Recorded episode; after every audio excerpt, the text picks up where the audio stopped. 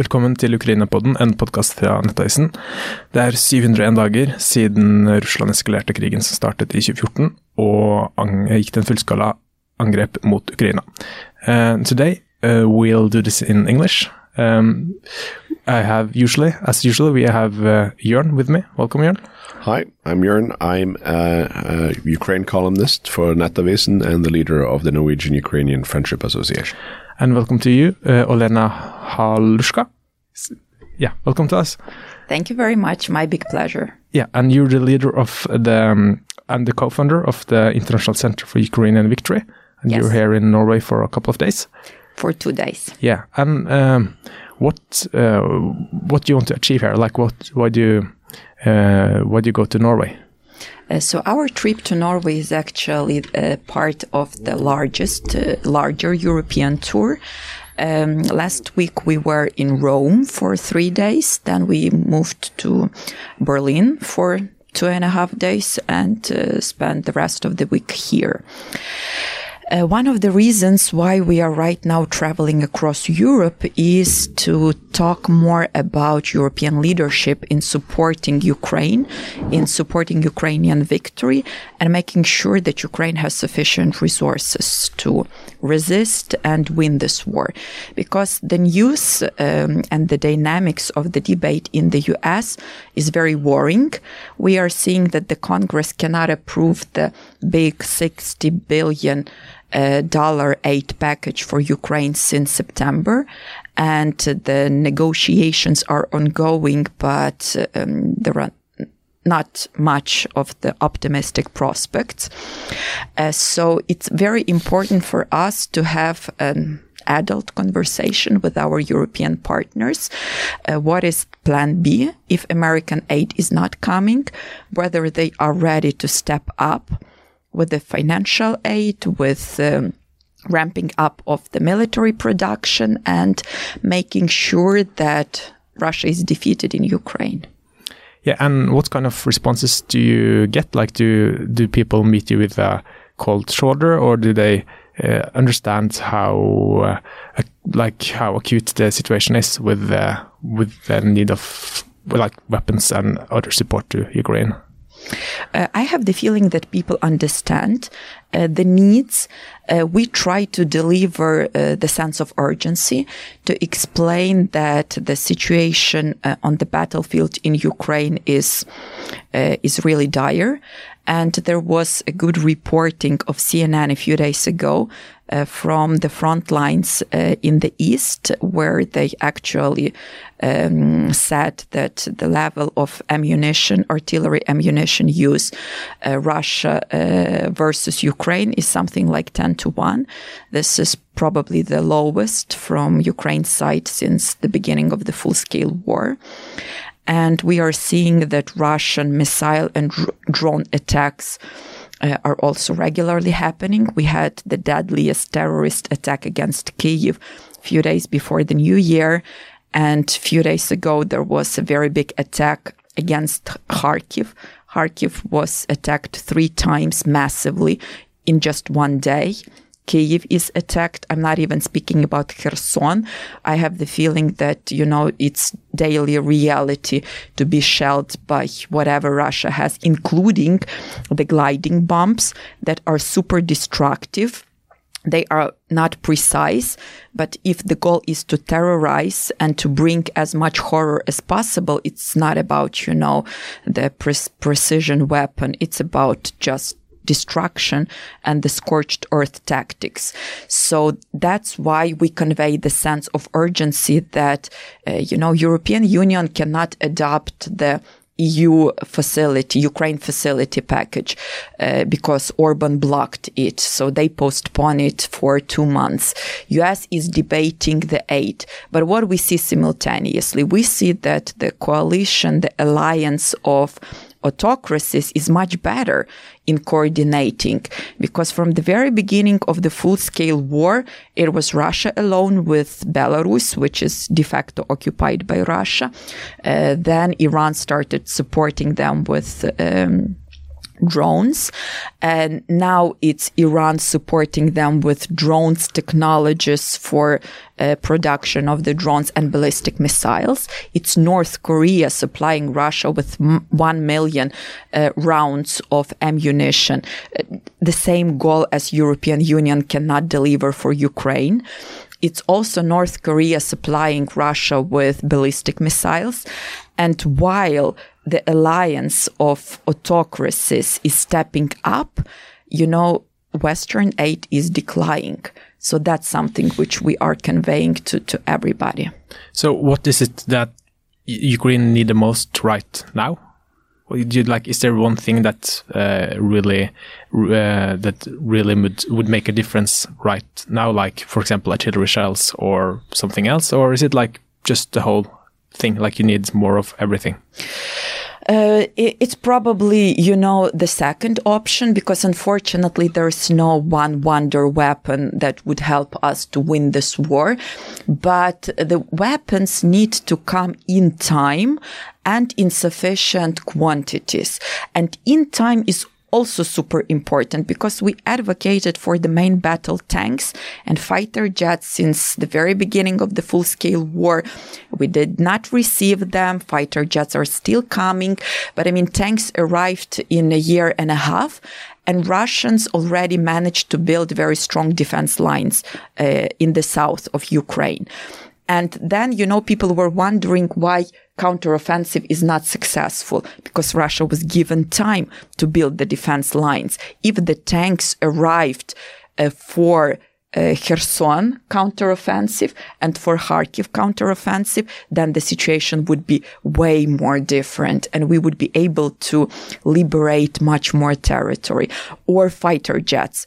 Um, according to the NATO doctrine, uh, no gra- uh, uh, ground combat operations start without reaching air superiority. We do not have in Ukraine, you know, even air parity, uh, maybe a weak one. Uh, and you know, when we were advocating for F-16, we heard very often that you do not need them. It's not the urgent. Uh, so, and another important thing right now is longer range missiles. We received the Storm Shadow uh, and Scalp missiles from uh, the, the, UK and France, but we still cannot get uh, Taurus missiles from Germany and uh, sufficient numbers of American ATACMS. Why? And when we are asking this, and we were asking this in Berlin many times, we didn't get any reasonable answer. What what did they try to tell you? Uh, same approach as over the previous two years, escalation management. Yeah, and is uh, how what does it make you feel to hear that like uh, that uh, European countries are afraid of uh, escalation of the war if they give too much weapons to Ukraine? Like is there any way this could be escalated against Ukraine? Uh, well, we try to explain that you cannot escalate self defense. I mean, the, the only party which is escalating in this war is Russia. And uh, we heard and we were asking partners what will be the response uh, if um, Russia gets ballistic missiles from Iran and North Korea. And we were promised that there will be this will be a red line and that there will be a very harsh and strong response. And the only response which we see right now is condemnation. Condemnation doesn't stop missiles that are raining on the heads of Ukrainians. You cannot put condemnation into your howitzers and fire with it uh, at the occupiers' forces that are trying to break your defense lines, occupy more Ukraine, and genocide more Ukrainians that are living at home. And, but uh, that's how it is. Yeah. Yeah, and I think it's a very important point what you mentioned that uh, there was an opportunity in, in late 2022 where where um, the Russian lines were unstable and they were caught off guard with the especially the Kharkiv offensive. And if they if, if Ukraine had had resources to continue to push there, they would have probably liberated more areas, at least in the east. And um, the fact that F-16s has been postponed so many times, and and these glide bombs that you described, there's only one way to stop those glide bombs, and that's uh, range in in air-to-air combat. And Western aircraft offers that, and there's nothing else that does that. So it's uh, it, the the West has failed while the alliance of autocracies, as you call them, has stepped up their game. And the fact that North Korea alone has delivered more artillery shells to to Ukraine than uh, to to Russia than than the West has delivered to Ukraine is depressing. And the biggest supplier of artillery shells to Ukraine is actually South Korea that has delivered half a million. Um, but they they're not able to continuously provide that much because North Korea is now threatening South Korea. So there's a lot going on on different fronts. Yeah, and uh, you mentioned it, uh, but uh, the EU, uh, European Union, promised to deliver 1 million artillery shells to Ukraine before March this year.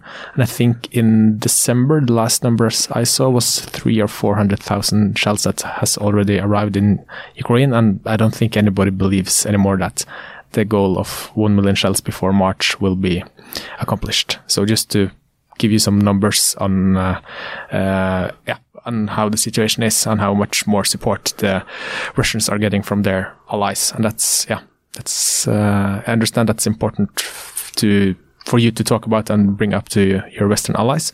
But, uh, how do you see the situation in the US in the coming coming months uh, and this year like they um, can't agree with themselves in the congress and we might get another term with uh, donald trump in the white house. And how do you think that could affect ukraine I think that it's very important that European Union builds builds it and uh, European partners, uh, obviously Norway, UK, um, build uh, own European strategy towards Russia, and it is absolutely great to have US uh, on our side helping us a lot. But this war is existential war not only for Ukraine, but for entire European continent because of geography. And in case if Ukraine fails, um, Russia is is very clear. They are very explicitly threatening to attack other countries, including uh, the countries that are NATO members, like Baltic states or you know Poland uh, or even Finland. So we have to make sure that Europe is not defenseless. We have to make sure that Europe has sufficient uh, military production, uh, industries, because um, you said that uh, there is this uh, issue, yes, with 1 million uh, artillery shells. We know about that. And we, of course, try to speed up this process and advocate, ask for more. But we also understand that there are some bottlenecks with regards to the production. So things like that have to be addressed and more investment needs to be done, more guarantees, you know, from the government for, for the businesses that this is not a, a short term commitment, but you, uh, Ukraine needs sufficient weapons not only to fight this war, but also to deter any future aggressions uh, after the war ends and uh, ends with victory. Mm, we hope, we ask, we call partners to support, and Europe needs to fill in the stocks to make sure that um, uh, in any case, you know, sufficient um, arsenal is the only thing that can deter Uh, aggressions and larger war. Yeah, and Norway just announced two weeks ago that we would ramp up the artillery production. Finland has done the same just before Christmas, I think, and I think there's some news from Sweden as Sweden well. Sweden as well. Yeah, but is it too like too late? Uh, no, of course, uh, uh, much better late than never. And here I would like to particularly thank to our Nordic partners because you are stepping up and you are doing a lot and Norway uh, is doing a lot, Sweden, Finland, Denmark as well. And uh, it's, it's important that uh, these things are happening because Russia is preparing for the long war uh, Russia is preparing to fight for years. And Russia, uh, as an autocracy, can afford uh, cutting any social expenses, healthcare, educational, and channel everything for their war budget. So for 2024, they actually increased their war budget by 70%. So this ramping up of production is critical. And we also talked to, France and they are also ramping up production. Uh, we speak to Germany. There's a big interest on the side of industries to do that. Um, more reliance from the side of the government, uh, unfortunately, but uh, even there, uh, very important processes are, are being done. Like, for example, they restarted the production of the ammunition for Gepard air defense defense systems, particularly for Ukraine. And that's something which helps us to uh, protect our peaceful uh, towns from Russian aggression. And so many important things and processes are happening, but um, pretty slowly. Yeah. Uh, but what does uh, Ukrainian victory looks like? Is is that a question you you can try to answer? I think that it's very important to answer this question because um, um, when you advocate for something, obviously partners want to uh, understand what. And we even made a research, a sociological poll, asking Ukrainians how they see victory, and they see uh, victory as first of all full restoration of Ukrainian borders. So Ukrainians won't compromise uh, territories for uh, so-called peace. And I highlight so-called because uh, this is uh, just a temporary peace. Anything short of Ukrainian victory would not be sustainable.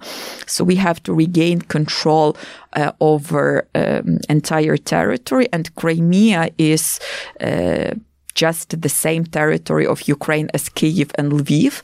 And when people say that we should give up on Crimea, uh, from the international law perspective, you know, from the rules based world order, uh, why should Ukraine give up on our territory. But not only um, military victory, it's about accountability.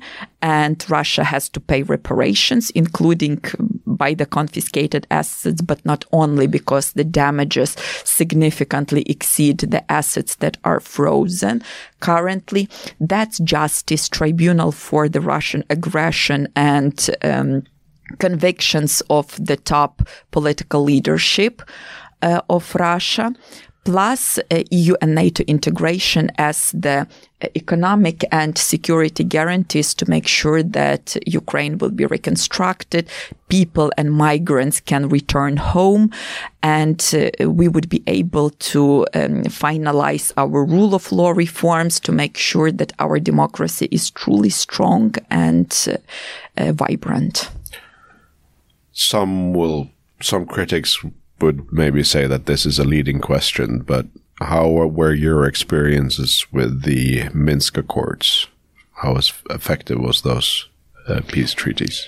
Because a lot of people uh, on the internet uh, likes to say that oh Ukraine didn't respect the Minsk Accords and and uh, we had good peace deals between the uh, so-called republics and Ukraine, but they were not followed up by the Ukrainian side. So it's an absolute manipulation because uh, the, the only party which violated Minsk deal is Russia, and they have been viol- had been violating it um, very regularly and constantly. And I think that uh, the experience with Minsk deals is actually, unfortunately, a very uh, bitter example in practice why. Um, Russia is not interested in peace, why Russia is not interested in deals. Russia is interested only in subjugating, conquering Ukraine. In case if they realize they cannot conquer Ukraine now, they need time out to rearm, to train more uh, military personnel, and then, you know, um, try to capture more of Ukraine uh, at the next stage of the war. And Minsk uh, agreements, which Ukraine signed uh, in 2014, the first one, in 2015, the second one, uh, they didn't bring peace they brought genocide, which started in 2022. That's Russian real face. Yeah, and um, I think also it's kind of uh, goes into the line of deals with Russia that uh, it's uh, like you can't trust them. Like you had um, um, Budapest memorandum. Yeah, Budapest memorandum. Mem excuse my tongue. Budapest memorandum. Okay. Uh, Bu Budapest memorandum. Thank you. Uh, and yeah, I have the just mean, point every time you need help with. Yeah, if I point that. and you just say the word. Yeah. um, yeah, yeah, the Budapest memorandum. Thank you. Uh, and the Minsk agreements and. Um, if all of them were followed according to the agreements, we would not be where we were today, right? Yes, absolutely. And there is even um, more recent, very good example about Russia and deals, which is grain deal.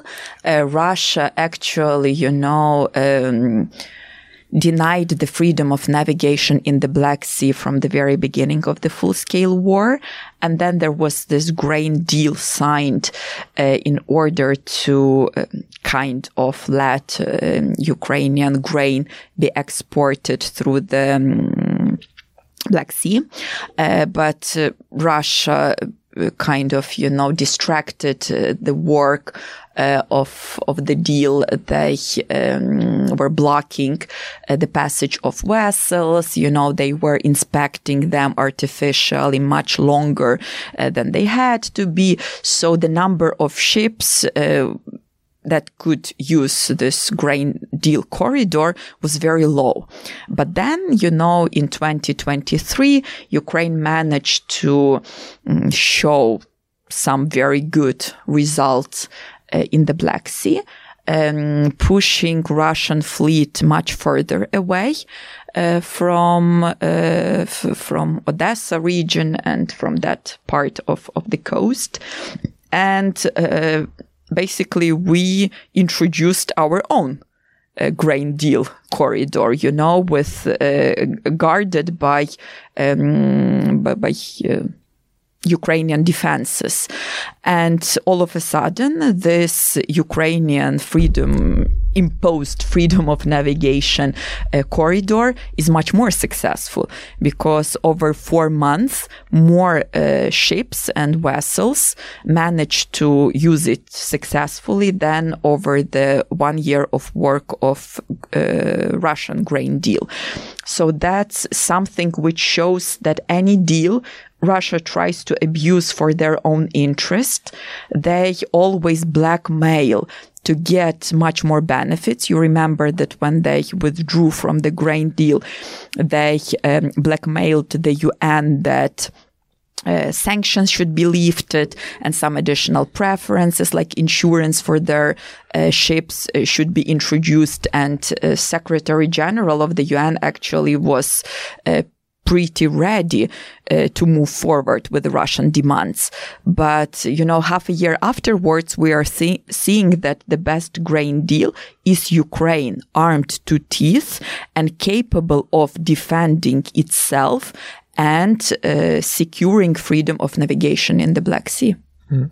Um, uh, another topic that's been talked about uh, by, some people is that um, the people in, for example, Donetsk, Luhansk, and Crimea, uh, do they really want to go back to Ukraine? Like, what if, like, maybe isn't they like more friendly to Russia than uh, the rest of the country? And what what would you answer to to that? Uh, well, uh, first of all, that is uh, Russian propaganda, because if you take a look at the results of the referendum for independence uh, in 1991, uh, there was an absolute majority in all of the regions of the country voting for the independence, including in Crimea. And then, you know, since 2014, Russia has made a very aggressive policy of um, destroying any resistance and bringing actual real Russians, Russian nationals, uh, into those territories. For example, the population of Crimea before 2014 was, I think, a million and a half, something like that.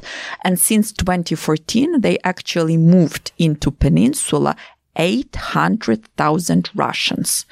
Like, you know, and when somebody says, let's ask people of Crimea whether they want to be Ukraine or Russia, whom to ask? 800,000 Russians that were illegally uh, moved into Crimea. I mean, while uh, uh, people ve- with very pro-Ukrainian stance were put into prisons, you know, uh, tortured, killed, abducted. Many were forced to flee simply because, you know, they were uh, facing the death threats. And if we speak about Donetsk, there is a very infamous uh, torture prison, Izolyatsiya, uh, very similar, uh, were uh, uh, introduced in many other occupied territories after 2022. But Izolyatsiya was working um, since 2014, and Russians there. Um, kind of, you know, tested a lot of Stalin type uh, uh, tortures and, uh, you know, um, tactics of breaking resistance. And uh, I mean, what has been happening in the occupied territories since 2014 has been, you know, a very aggressive policy of destroying anything Ukraine related. And after 2022, it's full scale absolute genocide. I mean, the news, I, I still follow a lot the news from Mariupol, which break my heart very much because after uh, erasing this town from the earth, um, you know, those kids that uh, still stay in, in, in the destroyed ghost town. They are brainwashed in the schools. Ukrainian books are destroyed. You know, they uh, hear every day uh, in the school that this, that it was Ukrainian army who was killing them. You know, why all of a sudden Ukrainian army, which was defending them before, you know, February 24, 2022 would bomb Mariupol. Uh, but, uh, you know, when you are hearing things like that for 10 years, for 20 years, obviously, you know, at a certain point, some people might start believing those propaganda narratives. And that's also one of the arguments why we are pushing, you know, to liberate all of the territories, because the longer they stay under occupation, the more detrimental, damaging, Uh, you know, policies, the more genocide Russia would be able to implement there. Or take a look at the deportation and abduction of kids. They, they, they are taking Ukrainian kids and putting them into Russian families where they are brainwashed into hating Ukrainians. And then, you know, in, in five to 10 to 15 years, they will be sent to kill Ukrainians again because of this hatred. Yeah, and we've already seen some examples of that. I think like there was an 18 year old uh, boy or man, uh, I think just around Christmas, that he was, uh, yeah, he was taken to Russia against his will, and then he was summoned to the army. Uh, well, fortunately, this case was yeah. um, uh, fixed, and he was returned to Ukraine. Yeah. But that just shows that uh, it will soon become a tendency. Yeah, like it's just not something you say, like it's actually already kind of happening already. Just to yeah make clear that that's it's yeah. it's a real real thing. And when we speak about the number of Ukrainians killed in the war, uh, one group that is often forgotten is the men in in the areas that has been occupied from from 2014 that has been forcefully uh, mobilized uh, in this war by the Russians and forced to fight their uh, countrymen uh, at the front. And, and they have very high casualty numbers. It's the same as during World War II and, and from other republics in Russia that they are quite comfortable with them having high casualty numbers because when you're when you want to swap the population, then then that doesn't matter. Like the, like you said, moving in eight hundred thousand settlers, moving in settlers in occupied territory is a breach of international law. So uh, it's a very very uh, comprehensive argument of why we can't allow Russia to just keep these areas. Yeah. Uh, and something you're also working uh, on is to seize Russian assets because uh, when the full scale invasion started, I think the West uh, like froze 300 billion dollars which is something like 3,000 kroner. Isn't it like that? Or more, it's 3,000 mil billion kroners. It's, it's like a huge amount of money. And that's seized by the West. And there's been talks about uh, giving those money to Ukraine for a long time, but I think it has kind of come more on the agenda the last weeks. And how, like, how, why is that important? Uh, that is super important because, you know, while we are expecting the European package, American package of assistance uh, to come, we see that this is not sustainable. And we realized from the very beginning that in the protracted war, it would be much more complicated for Ukraine to win because we are much smaller country. Our mobilization potential is smaller. Our economy is being targeted. And in the first year of the full scale war, we lost 30% of our GDP. That's a lot and uh, Russian missiles and drones continue targeting uh, our enterprises, companies, businesses across entire country. Uh, many uh, big part of the working population, particularly women, were forced to flee the country with, with the kids, and they are currently staying abroad. So our demographical situation is very, very complicated. And um, the delays in the weapon supplies, in ramping up the capacities uh, of the industries, again lead to us uh, defending our um, right to exist with the lives of our best people, which could have been avoided if we received uh, sufficient uh, assistance in time. So while it's getting more complicated to pool Western assistance for Ukraine. The West sits at Russian $300 billion, which belong to Ukraine. And it was even um, recognized by G7 in their recent statement where they said that they would not return this money to Russia until the reparations are paid. So do we expect Russia to pay voluntarily reparations? Obviously not, meaning that some additional, uh, you know, force should be imposed on, on them for that. Uh, but while this money just lies dead and waits for the end of the war, we might lose Ukraine and there might be no country to pay reparations for. And there might be, you know, tens of millions of new refugees, which will be the burden for Europe, European countries, uh, because people already know what is, what does it mean to live under the Russian occupation.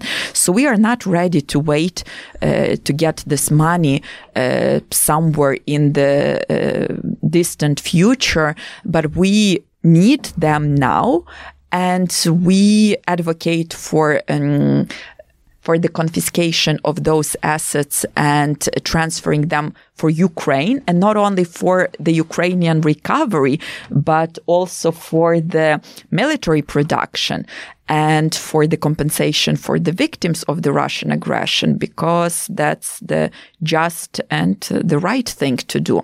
And the momentum indeed uh, is here particularly because many think that uh, in the protracted war that should be a kind of uh, uh, sustainable and secured basket of assistance for Ukraine. But we still need to push for that because within G7, let's say, we have the US, UK, Canada that are um, more in favor of this idea.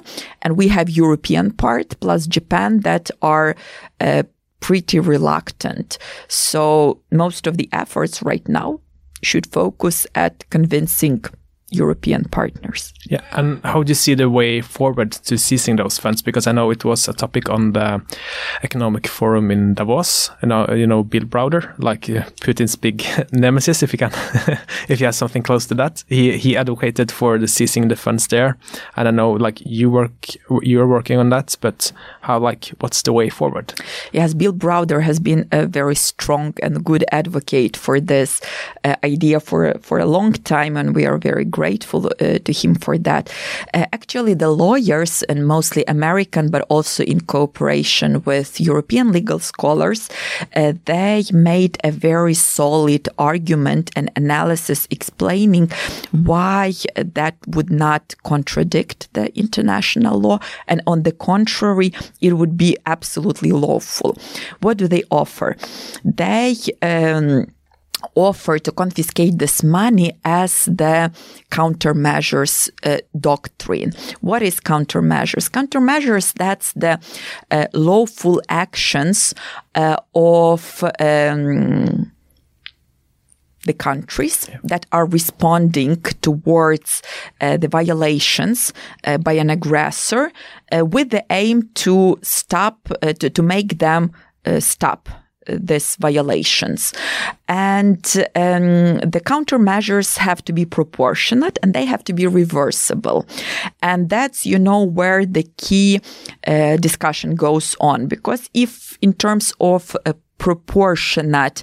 Uh, everybody agrees that, uh, you know, um, we are speaking about $300 billion of frozen assets and um, um damages of the first year of the full scale war already exceed 400 uh, billion dollars meaning that it's not proportionate but you know in, in, in the other way round um, that it's much smaller than actually the damages. Uh, but then you know uh, people say that uh, if you confiscate it can't be reversible. Uh, but that's not entirely true because russian international obligations are not only to stop the war and to withdraw their forces from Ukraine, but also pay the reparations. And here we come back to the fact that the frozen asset is much less than the actual damages. So what is offered is to, when Russia agrees to pay the reparations, this amount of the confiscated money would be offset from the due payment of the reparations. And that would actually make this act reversible. Yeah. And do you think it could happen already this year that uh, Ukraine would get those money? Uh, well, we hope so. We are pushing, but to be honest, I think that it's it's an endeavor for for a year. And that's why we are, you know, simultaneously campaigning to make sure that we have uh, other resources that in case if American funds are not coming, then, you know, Europe can uh, provide us with sufficient resources to make sure that um, Ukraine does not need anything uh, by the moment when this confiscation is made. Yeah. And also, I'm going to go um, to one of our listeners. He sent us a mail, like we have this listener questions, and he sent us a mail a couple of weeks ago, and he asked us if we think that Putin now uh, regrets uh, starting the full-scale invasion. Uh, do you like? could you? Uh, well, I can. Do you think the people in the, in the Kremlin and Putin himself kind of uh, uh, regrets their decision? Uh, I can only speculate, but I think that he doesn't. Why? Because um, the reading of the authoritarian dictators of the situation is that you can outlast and you can outplay the West.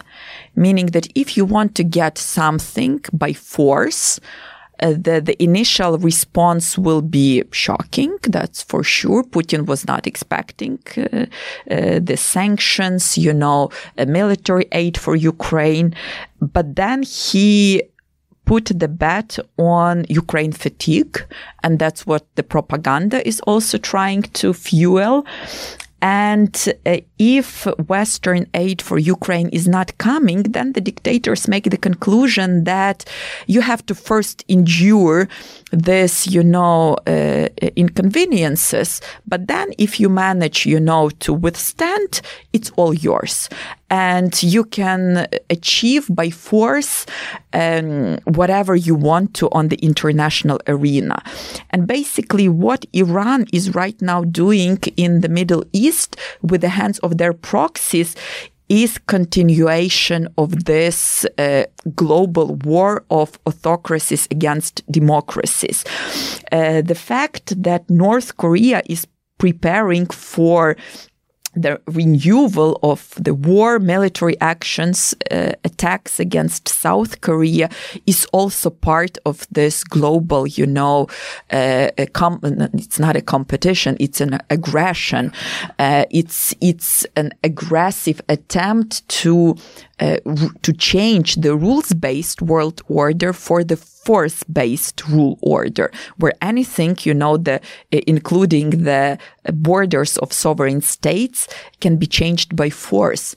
And the fact, you know, that uh, China may also attack Taiwan uh, would be a very, you know, kind of a logical sequence of actions.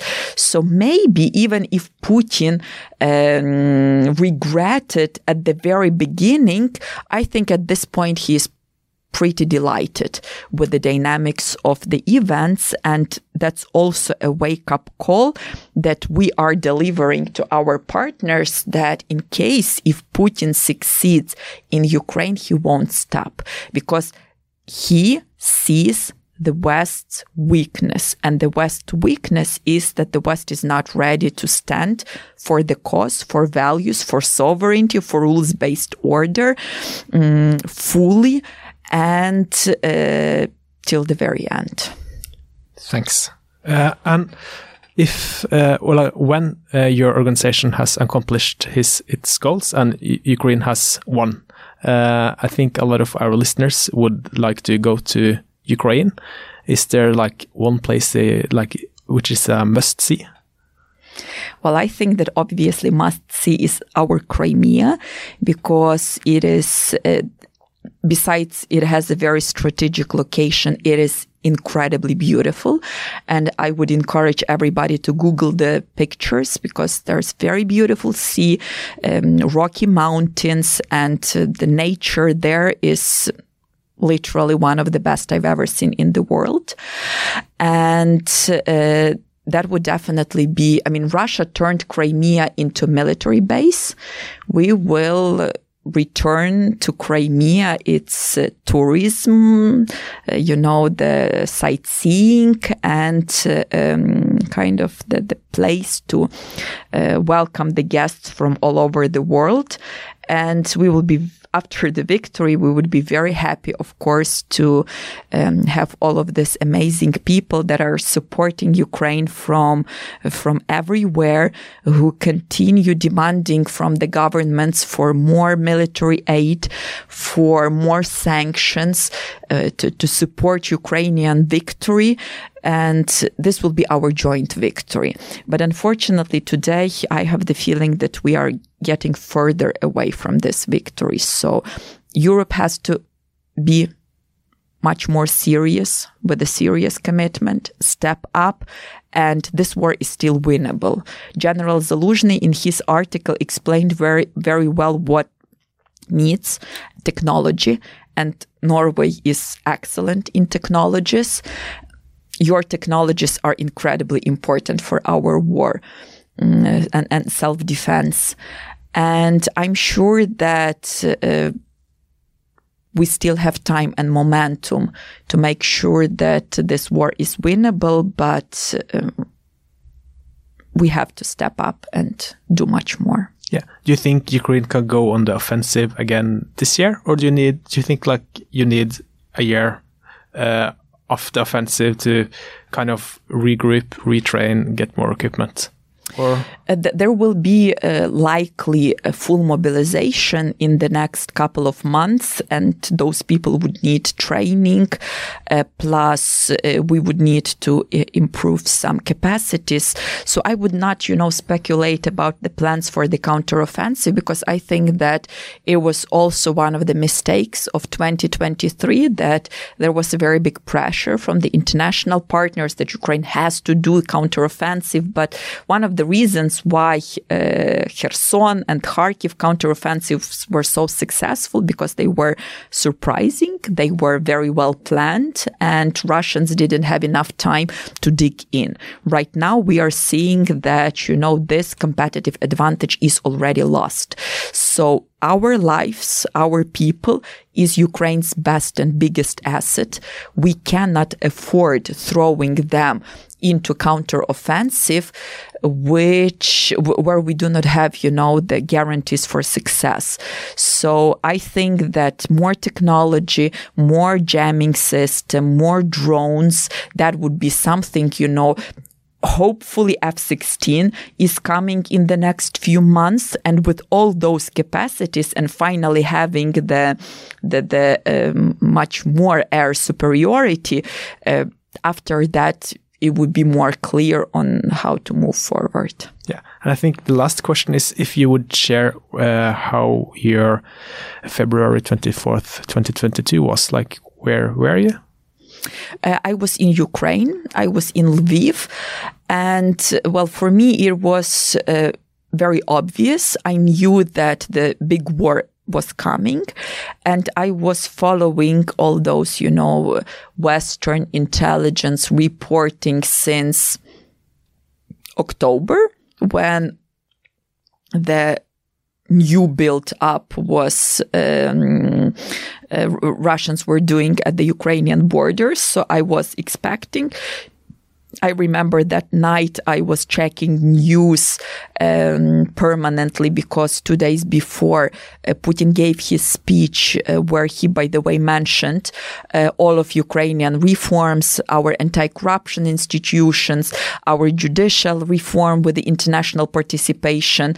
Uh, so for us, that was a sign that the decision is already made and that successful democratic Ukraine and everything which we have been building since 2014 is the real threat. That's something which scares Putin to death. So for me personally, that was just a matter of time when this will start. And yeah. Yeah. So thank you so much for coming and sharing your thoughts with our listeners. And I wish you a safe trip back home to Ukraine. Thank you very much. My big pleasure.